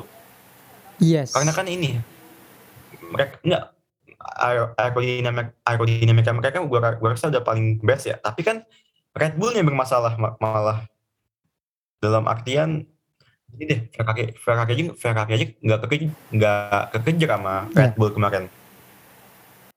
Menuju menuju race race yang kalau misalkan kita menuju race race yang kayak let's say kayak Baku atau mungkin Monza ya makin keteteran lagi karena terlepas dari straightnya panjang ya dan Red Bull ini. Tapi kan ketika nanti lu bertemu heavy braking kan bakal kesulitan. Ini Alfa Tauri gue rasa udah udah ini ya udah udah udah nyaman ya dengan kondisi mobil sekarang. Tapi Red Bull kan nggak nyaman. Dan pasti Red Bull akan nyoba-nyoba ke Alfa Tauri menurut lu. Lu kalau jadi French toast deh lu bakal mau nggak tim lu jadi bahan coba-coba di saat tim lu udah nyaman? Exactly enggak lah. Masalahnya kan uh, mereka mau ngomong enggak ya nggak bisa ngomong enggak gitu. Karena kan mereka customer timnya dan Betul. mereka selalu jadi yang dicoba-coba karena menurut gue kalaupun ada upgrade pasti dapetnya kayak 50 tahun setelahnya gitu loh kayak lama banget uh, Alfa Tauri karena kan Red Bull Powertrain ya nama seperti namanya akan supply Red Bull kayak di MotoGP aja lah uh, tim pabrikan akan selalu dapat supply yang duluan gitu. Masa ini kan bukan kayak Ducati gitu yang semuanya dikasih rata. Gitu kan Red Bull kan agak pelit gitu ya sama Alfa Tauri. Jadi kayaknya enggak sih. Ya, tapi, tapi harus, tapi harus seharusnya karena mereka udah proving kemarin di Bahrain. Kita lihat nih nanti ya, besok minggu di Jeddah. Uh, karena kan gue bilang ini sirkuitnya Red Bull Powertrain harusnya mereka bisa perform lebih baik. Dan kalau terus bisa di carrying for the season sampai half of the season deh 12 race pertama harusnya iya. Tapi kan namanya adik tiri dari lu gimana? Tim satelit bisa nolak? Iya tim satelit bro Oke, kalau begitu langsung aja gue bertanya, apakah Verstappen musim ini masih bisa mempertahankan? Ya nggak, kayaknya kalau ini biasa aja Bias dong, saya jangan jangan. Kalau juara dunia juara ini jangan, jangan, jangan. jangan. Menurut lo apakah Max musim ini lebih berbahaya atau lebih berbahaya dari musim lalu atau enggak? Hmm, lebih berbahaya dibandingkan dengan Bull Powertrain ya dengan Red Bull Powertrain sama berbahayanya. Gue nggak bilang lebih berbahaya, sama. Dia kan performanya tetap akan sama. Masalahnya dia itu apa ya? Ya emang semua pembalap punya masalahnya masing-masing gitu ya. Si Verstappen ini anger manajemennya lah, tolong gitu. Agak diturunin dikit karena menurut gue yang mengalahkan dia dia sendiri. Serius, gue bisa bilang dia bisa back to back selama dia tidak holding back dan agak sedikit calm sama uh, performa mobil lah karena menurut gue dia kemarin dia bisa battle sama Charles Leclerc walaupun mobilnya sedikit uh, tidak uh, mobil Ferrari sedikit lebih superior.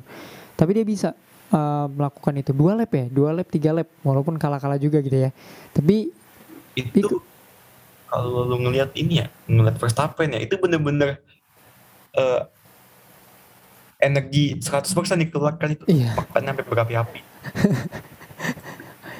Sementara kalau lihat dulu Red Bull versus Mercedes ya, kayaknya Red Bull kayaknya nggak nyampe 100% 100% amat deh buat ngalahin Mercedes. Mungkin di media iya, tapi secara mobil nggak nyampe harus 100% power gitu, enggak. Mm -hmm. and that's the thing buat ngalahin Ferrari. That's the thing. Strategi yang diambil kemarin juga nggak begitu bagus kan. Walaupun pit stopnya bagus kan. Mereka mereka masih tim yang punya ini ya, punya kru kru terbaik. Masih punya kru terbaik. Dua setengah loh. Dua setengah detik. Dan gue yakin mungkin nanti di race kelima ke enam itu bisa turun jadi dua detik per pit stop. Jadi masih lah kita nggak usah bingung. Em, dari kedua pembalapnya aja, Sergio Perez juga kemarin ini kan eh, kelihatan agak main aman. Dia nggak bisa loh ngejar Carlos Sainz. 48 lap sampai eh sorry kemarin 58 57 lap dia nggak bisa ngejar Carlos Sainz. Malah dia dikejar sama Lewis kan setelah safety car in this lap gitu kan Karena mobil udah mobil udah nggak kuat. iya seharusnya dia ngejar Carlos Sainz kebantu Max justru Tapi tumben Max kalah Perez gak ini nggak jadi eh, wingman yang buat ngalang-ngalangin Charles. Iya dia dia justru di call di pit stop. Harusnya dia pas Charles itu udah pit stop dan dia belum. Red Bull harusnya masih masang Sergio sampai eh ya sampai bannya meledak kali ya. Tapi dia malah nggak ngelakuin itu. Gue kira itu agak tumben, kebaca. Harusnya kayak gitu, tapi enggak. Justru dia di call ke pit stop barengan sama Carlos Sainz. Agak aneh.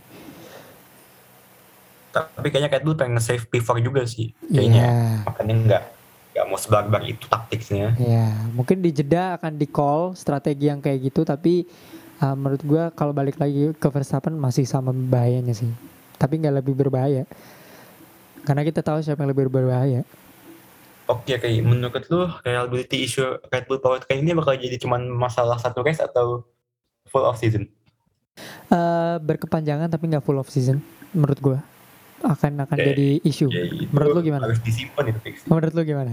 Ah, menurut Menurut gua nggak nggak full of it's season on- tapi berkepanjangan.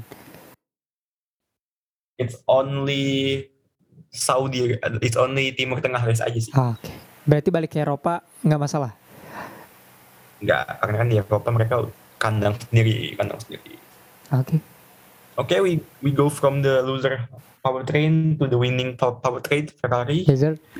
Sebelum kita going to the tim pabrikan, kita ke tim satelitnya dulu. Bukan tim satelit sih, tim customer. Magnussen Masterclass. Yes, sir. Yes, banget. Dia start from P7 and finish at P5. Comeback setelah berapa? Berapa? Setelah semusim cabut dari Semusim F1 cabut, menggantikan Mazepin di P5 langsung langsung aja nih gue langsung bertanya secara belak-belakan apakah Haas musim ini akan bersaing untuk P4 dan P5 di Constructor Champ Standings? Aduh, ini bahaya banget pertanyaannya, tolong banget. Tapi yes, tapi yes, tapi yes, tapi yes, yes, yes, yes, ah, yes, ini jawaban yes, asli. sangat eh gini ya, ini gue gua nanya ke lu dulu. Kalau Mazepin nggak didenda atau nggak dikeluarin dari F1, menurut lu performanya bakal tetap sama nggak kayak Kimek? enggak lah Kimek Exactly. itu Kimek itu dari semenjak di McLaren dia emang udah bagus Exactly. Eh duit nggak bisa beli skill. Yes. Iya tapi seenggaknya kan duit bisa buat pengembangan mobil Ya, tapi nggak bisa beli skill. Ke pengembangan doang tapi P P19 P18 nggak main bro. Kelihatan kemarin eh ya walaupun pengembangannya dari dia juga tapi Magnussen eh, outclass Mick, outclass Mazepin dan siapa pun yang megang siapa pun yang pernah megang Haas yaitu Magnussen. Ini finish di atas P8 keempatnya dia di Haas kalau gua nggak salah. Di atas P8 ya kalau gua nggak salah. Keempatnya dia. Dan dia finish ke 5 kemarin kan di belakang Mercedes. Any podium chance um, too early. Tapi kalau race-nya subscribe kemarin bisa. Bisa. Bisa. Kayak kayak gue bilang eh, di Austria sih. Karena karena suka sirkuit di situ mereka track recordnya bagus harusnya iya. Ini kita bakal balap, balapan di Melbourne gak sih? Musim ini? Lihat kondisi covid. Oh, ngeliat kondisi COVID ya. Tapi kalau balapan di Melbourne harusnya iya, mereka bisa dapat. Nggak tahu nanti di jeda ya, Harus. karena kan uh, Ferrari bukan uh, powertrain yang bagus kalau di sirkuit yang cepat. oke gua enough for Haas tapi gua akan ini ke Bottas and the most drip driver in Hmm. F1 right now Guan Yu Zhou Eh ngomongnya Zhou Guangyu dong, bukan ya Guangyu Zhou Zhou, Guan Zhou ya Eh by the way, Zhou Guanyu ini kemarin, eh kemarin, hari ini dia baru aja ngeluarin ini ya, fashion style dia. Yang pakai baju putih itu bukan sih? Putih. Iya, baju putih. Hamilton having a new competitor right now. Ini udah kayak Pokoknya di udah kayak NBA vibes banget sih Evan nih sekarang. Bener-bener Amerika Amerikanisasi banget. di F2 kita nggak pernah lihat deh kayaknya dia pakai baju-baju gitu deh. Ya, dia siapin Mungkin di F2 dia siapin nggak- semuanya buat Evan, Bro. Eh, F2 kan gak ada pre-race fit gitu. Tapi bagus tahu maksud gue Respect. Ya, biasanya fashion fashion F1 gimana sih? Paling cuma celana pendek sama baju ini baju tim. Tiba-tiba Zhou Guanyu ngedrip gitu. Bet, kita jangan ngomong di luar karena gue yakin kalau di, di luar gue yakin Bottas akan jadi mentor yang baik buat Zhou Guanyu.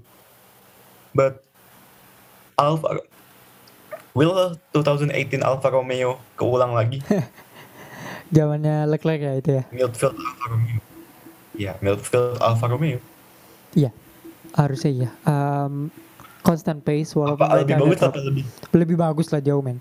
Dibandingkan tahun lalu apa dibandingkan 2018? 2018 lah. I don't know, masih satu race tapi dibandingkan tahun lalu ya jauh. Jauh banget.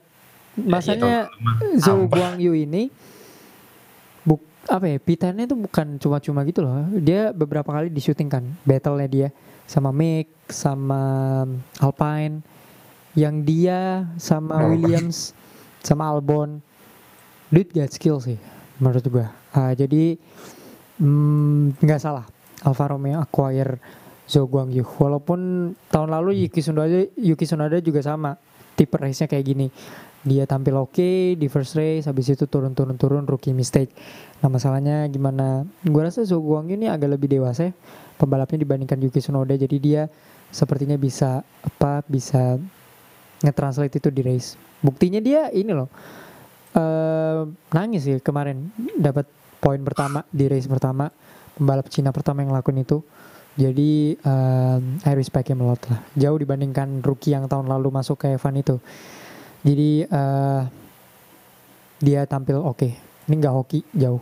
Walaupun Red Bull dua-duanya out tapi dia deserve poin ini. Karena dia balapan dengan sangat baik kemarin. Masuk loh di TV kemarin beberapa saat. Jarang loh rookie di race pertamanya bisa dapat exposure kayak gitu di midfield team lagi. Kecuali lo Tapi masih laki pin buat dia juga. Dia dapat ini dia dapat mentor Bottas. Hmm. yang sama oke-nya mentor di race kemarin Botas Ya. Tapi kalau Bottas ini gue harus ini ya, gue harus mengakui dia sangat master class ya. Dalam artian dia meng out qualified Mr. Saturday. yes sir Eh Mr. Saturday. Mr. Mr. Saturday itu Botas sih sekarang kayaknya soalnya dia nggak pernah keluar dari kualifikasi ketiga Gila. sejak 2017 gila loh gila loh menurut gue itu streaknya Having that consistency. Gila. Nggak, nggak ada lawan sih Bottas. Mungkin ini ya, eh, George George pun sampai dibikin meme apa P9 in Mer- P9 in Williams, P9 in Mercedes. Tahu kan lu memesnya? Memesnya ini uh, Incredibles itu masih I think it's gonna be meme of the year pasti itu akan jadi meme of the year. Bo, kita jangan ngomongin gua Yuzo mulu, kita ngomongin Bottas juga karena Bottas gue, gue yakin is the most important driver in Alfa Romeo right now ya. Uh, no in uh, in Ferrari customer team right now. Gini aja gua gua singkat aja deh. Bottas ini menurut lu bagus di Mercedes ini murni karena mobil apa murni karena dianya? Karena kan di beberapa race dia sangat jelek banget di Mercedes. Langsung aja. Ini pertanyaan sejuta umat. Dari dia lah dari dia. Eh, walaupun tahun lalu dia jadi bulan-bulanan kita berdua tapi eh, pengalaman nggak nggak nggak ngalahin lah. Eh, selain sama Alfa Romeo yang lebih baik Ferrari powertrain yang juga sama lebih baik Bottas sudah kelihatan lah. Eh, skillnya pengalamannya. Ini kayak kita ngeliat Bottas dulu di Williams aja sih dikasih mobil yang relatif lambat tapi dia bisa perform. Dan ketika kita rekaman lagi free practice dia posisi ketiga. Bottas serius? Lu, lu ngeliat gak sih fotonya dia senyum? Iya, hebat kan. Jadi eh kayaknya meninggalkan Mercedes adalah mungkin banyak orang bilang Hal yang eh, hal yang buruk ya. Maksudnya lu dari kontender ke Alfa Romeo tapi kalau dilihat-lihat lagi kayaknya tidak buruk-buruk amat gitu. Lu bisa ini free practice ketiga gue gak tahu ya posisi keduanya siapa yang yang, yang pasti satunya uh, Charles Leclerc kalau gue nggak salah. Ya satunya Charles Leclerc duanya I don't know. Kayaknya Red Bull si Verstappen tiganya Alf, uh, Valtteri. Jadi kayaknya pure skill dia ngelakuin ini. Kalau misalnya gara-gara mobil ya skill. Joe Guangyu bakal lebih baik posisinya. Tapi dia masih bisa konten loh di Q3 itu jadi pure skill. Tapi masanya Bottas ini kan racecraftnya aja sih yang agak yang agak Hmm. questionable. Soalnya kemarin gue gue yakin dia bisa ngalahin K-Mac. Kalau racecraftnya jauh lebih baik. Tapi ya seperti itulah Valtteri racecraftnya aja sih And enough for Ferrari user, kita kembali ke Ferrari pabrikannya. Charles and Carlos Sainz. The most hot, hot, hot duo right now in the grid. Charles dengan 26 poinnya. yes Eh, Carlos Sainz 18 poinnya. Eh, ini mungkin terlalu early. Ini early, early 1 million question, tapi langsung aja. Will Waduh. this season gonna be P1 P2 for Ferrari in, in standings drivers kayak Mercedes dua tahun lalu atau tiga tahun lalu early, tapi kan Anda tahu prediksi saya kemarin satu dan tiga di championship siapa. Jadi eh ya ini pertanyaan yang tidak baik untuk ditanyakan ke saya, tapi gue nggak mau ini dulu lah. Berdasarkan one million question berdasarkan Jinx 3 episode dep- eh, pertama ini kayaknya nggak perlu buru-buru ya. Tapi yang pasti ah, gitu tapi yang pasti Yap. keja- ke- kejayaan itu di depan mata bro.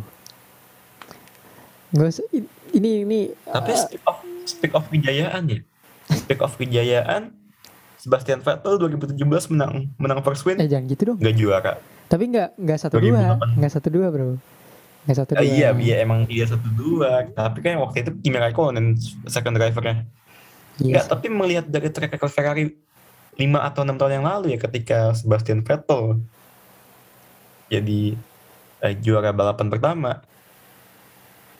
eh gue nggak tahu ya apakah lu yakin kejayaan ini akan nyampe akhir musim Oh iya. mengingat track record yang lumayan buruk ya Eh, kalau lu ngomong kayak gitu berarti gue bisa tarik ke belakang lagi. Kimi Raikkonen pas menang 2007 juara dunia, race pertama juga dia yang menang. Jadi eh enggak lah kalau kita mau cocok logi enggak. Em, track recordnya kan beberapa tahun terakhir emang iya. Alonso juga 2010 yang tadi kita bilang 1-2 itu dia juga menang seri pertama kan. Kalah juga di terakhir. Tapi yang pasti championship contender dulu. Mungkin nggak usah ngomong juara dunia deh kita jangan sesumbar gitu deh jangan sombong kayak fans Ferrari lain. Tapi yang pasti balik championship contender. Soalnya kelihatan dari pace-nya konsisten. Ini sekarang tadi free practice 1 dan 4 Carlos Sainz 4 Charles Leclerc 1 Eh, pace-nya juga oke kemarin di Bahrain. Tapi Leclerc itu ini ya bercanda-bercanda gitu kan. Tolong jangan gitu ya lain kali. Takutnya eh, beneran meleduk mesinnya ya kan?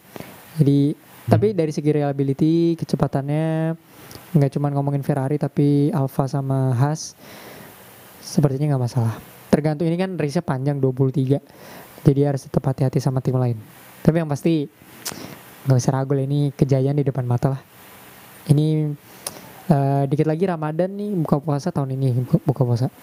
Tenang aja Kira ini percaya bahwasannya Bino eh Binomo Eh, Binoto Binomo. Masterclass Kok Binomo tuh? Eh, terakhir kali Ferrari secure tim sama driver standing kan 2004. Ya, tahun ini juga. Tenang aja. dan saat itu engineer-nya Mattia Nah, Binotto ya udah. Emang dia from from zero to hero sih sekarang. Dia kan sempat dibenci Ya, kemarin kan. ya nggak gitu Ini juga dia- sih. Dia kan musim lalu juga, Tertawa dia, tertawa sekarang. Jangan musim Binotto lu kan dulu. musim lalu juga memerlukan Binotto musim Iya, lalu maaf ya. yang teksnya yang super duper wow Ya, maaf ya Binoto.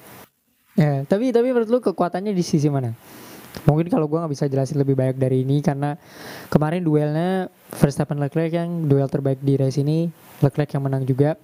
Sainz ya seperti Sainz pada umumnya tapi dia agak nyesel ya di posisi kedua soalnya dia nggak bisa uh, push lagi uh, lebih jauh daripada itu tapi strongest pointnya mereka ada di mana?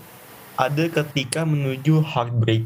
Oke. Okay. Berarti grip kekuatan mereka di grip karena gue nggak berani bilang mereka all rounder tim enggak tadi gue di awal gue sempat bilang Ferrari ini sangat kuat di grip grip mobil mereka gue rasa one of the best dan gini ya mereka itu kan mobilnya low to the ground mengingat dia ketika di Catalunya uh, bumpy-bumpy iya yeah, kacau banget. Jadi kayaknya sekarang mereka udah ini mereka udah nggak mau gue istilahnya mereka nggak gue nggak mau bikin mobilnya tinggi gue maunya bikinnya low to the ground aja. Walaupun tidak slow to the ground kayak Mercedes. Red Bull ya Red oh, Bull kan low to the ground. Karena mereka gue yakin mereka juga ini ingin menjaga grip. Gimana caranya tiap breaking point make it fast di breaking point beda sama Red Bull. Tapi gue merasa ini ya Ferrari ini lama-lama ingin menuju ke all arounder tim gitu. Dalam artian nggak kuat apa ya dalam artian nggak harus kuat di setiap ini tapi seenggaknya all arounder. Mungkin untuk sekarang Ferrari sangat kuat di gripnya. High grip mereka sangat kuat di grip tapi untuk uh, straight untuk apa ya tentu aja masih masih kurang tetapi gue melihat ada kemungkinan Ferrari ini jadi all rounder tim sih. Mm -hmm. mereka udah udah lama nggak ada di posisi all rounder kan? Selalu ada satu yang yeah. lebih kuat dibandingkan yang lain. Jadi ya pengembangan dan mobil mereka juga mobil mereka mobil mereka itu kan juga biasanya ini lebih kadang-kadang kencengnya cuma di uh, satu dua sektor. Sektor tiga kadang-kadang loss. Ya betul betul. Dan mereka ini ya Charles Leclerc itu kemarin di kualifikasi kuatnya di mana? Di turn terakhir. Turn di mana? Apa ya? Uh, uh, mungkin breaking pointnya harus tepat dan itulah ketika mobil yang punya gripnya kuat turn-turn itu ketika lu breaknya pas aja udah lu bakal lebih cepet daripada ini lu kalau ngeliat ini deh comparison lapnya apa dari cara ngambil breaknya kan sebenarnya sama break pointnya sama tapi ngapa karena itu tadi uh, Ferrari gripnya lebih kuat daripada Red Bull. Hmm, hmm. Walaupun pas beberapa saat overtake ya, uh, Verstappen tuh agak jauh uh, jaraknya, tapi dia bisa ambil di turn satu dan looks looks good gitu. Walaupun kalau kita ngomongin break sama grip ya jauh sama likes of Mercedes gitu ya. Mercedes tuh kacau banget kemarin Lewis Hamilton sampai beberapa kali lock up, sampai beberapa kali melebar gitu karena dia nggak punya hal yang dipunyain Ferrari. Jadi menurut gue gue setuju. Uh, mereka lebih all rounder musim ini. Itulah kenapa saya lebih pede tahun ini gitu. Uh, going from the Bahrain, gue seperti Rainer biasa gue menaruh who's the winner and who's the loser from Bahrain GP. Dari Rainer dulu maybe. Easy lah. Ferrari Powertrains jelas. Uh, mereka yang pakai mesin Ferrari is the winner. Tapi ultimate winnernya jelas Scuderia. Karena mereka udah menunggu lama. Dua teh 2020 ya dua tahun uh, untuk kemenangan terakhir di Singapura. 96 hari balapan tanpa kemenangan. Jadi uh, it's about time. We back. Gua ada video TikTok yang yang yang ngasih tahu kalau uh, fans Ferrari itu agak sombong dan agak koki nggak apa-apa. Namanya udah lama nggak menang. Ini kejayaan di depan mata. Tenang aja. Losersnya jelek. Yeah. Mercedes power train tapi nggak Mercedes ya. Menurut gue Mercedesnya uh, eh, gue bisa bilang pemenang karena mereka secure podium via Lewis Hamilton uh, losersnya McLaren. Winnersnya Ferrari yeah. losersnya McLaren. Eh udah. Iya sangat spygate ya. Yoi. Uh, vibes vibes rival lama. Gua winnersnya eh uh, susah sih winners. Kemek kemek. Has, yes, gue jadi ngomong, gue biar beda dikit sama kayaknya gue Has, and the losersnya gonna be uh, Andre, Adrian Nui itu. Ya, eh, Andre, Adrian, Adrian Nui ya. Ya, Adrian Nui itu. Karena gara-gara dia tiga mobilnya itu DNF meleduk.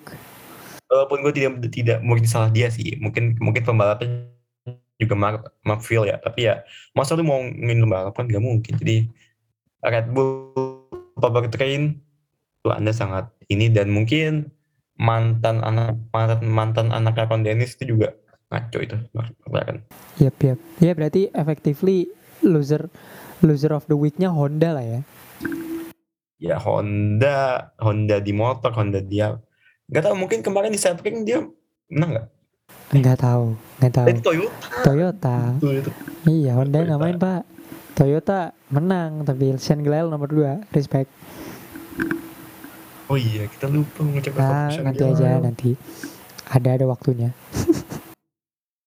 Oke, eh, after Bahrain GP, Saudi GP, podiumnya langsung aja podium gue cepet aja. Verstappen satu, eh, dua Charles. Sepertinya ini akan jadi bau ya, tapi nggak apa. Lewis tiga. Oh. Oke, oke. Eh jangan lupa terakhir kita ke Jeddah Verstappen sama Lewis tabrakan ya. Apakah mereka akan ada Iya. gontok-gontokan lagi? Nggak tahu. Tapi bakal bakal seru. Bakal seru. Eh, lu tadi siapa? Verstappen, Charles sama Lewis ya? Lewis. Eh, gue masih sama sih ordernya kayak prediksi gue di awal Bahrain kemarin. Eh, Charles Leclerc satu, Verstappen dua sama Carlos Sainz tiga. Eh, enggak, guys. Gue kemarin Bahrain sih satu dua ya. Tapi gue rasa tetap akan orang-orang itu lagi sih dulu yang podium karena kan eh, tracknya masih di Timur Tengah masih night race. Jadi kayaknya masih 11-12 sih. Ngeliat dari free practice-nya juga masih Ferrari yang dominating, Ferrari powertrain obviously. Tapi sleepernya kayaknya Alfa Valtteri Bottas deh. Oh, sleepernya bal- menurut gue khas Oh lu di Has, GP kali ini. Has Kevin atau Has Mick?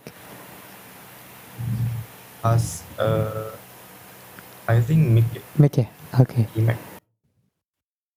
But, but eh, tadi lu tapi menurut lu ini gak sih Charles, Max sama Carlos ini bakal jadi the, the new Humberbot The the new what?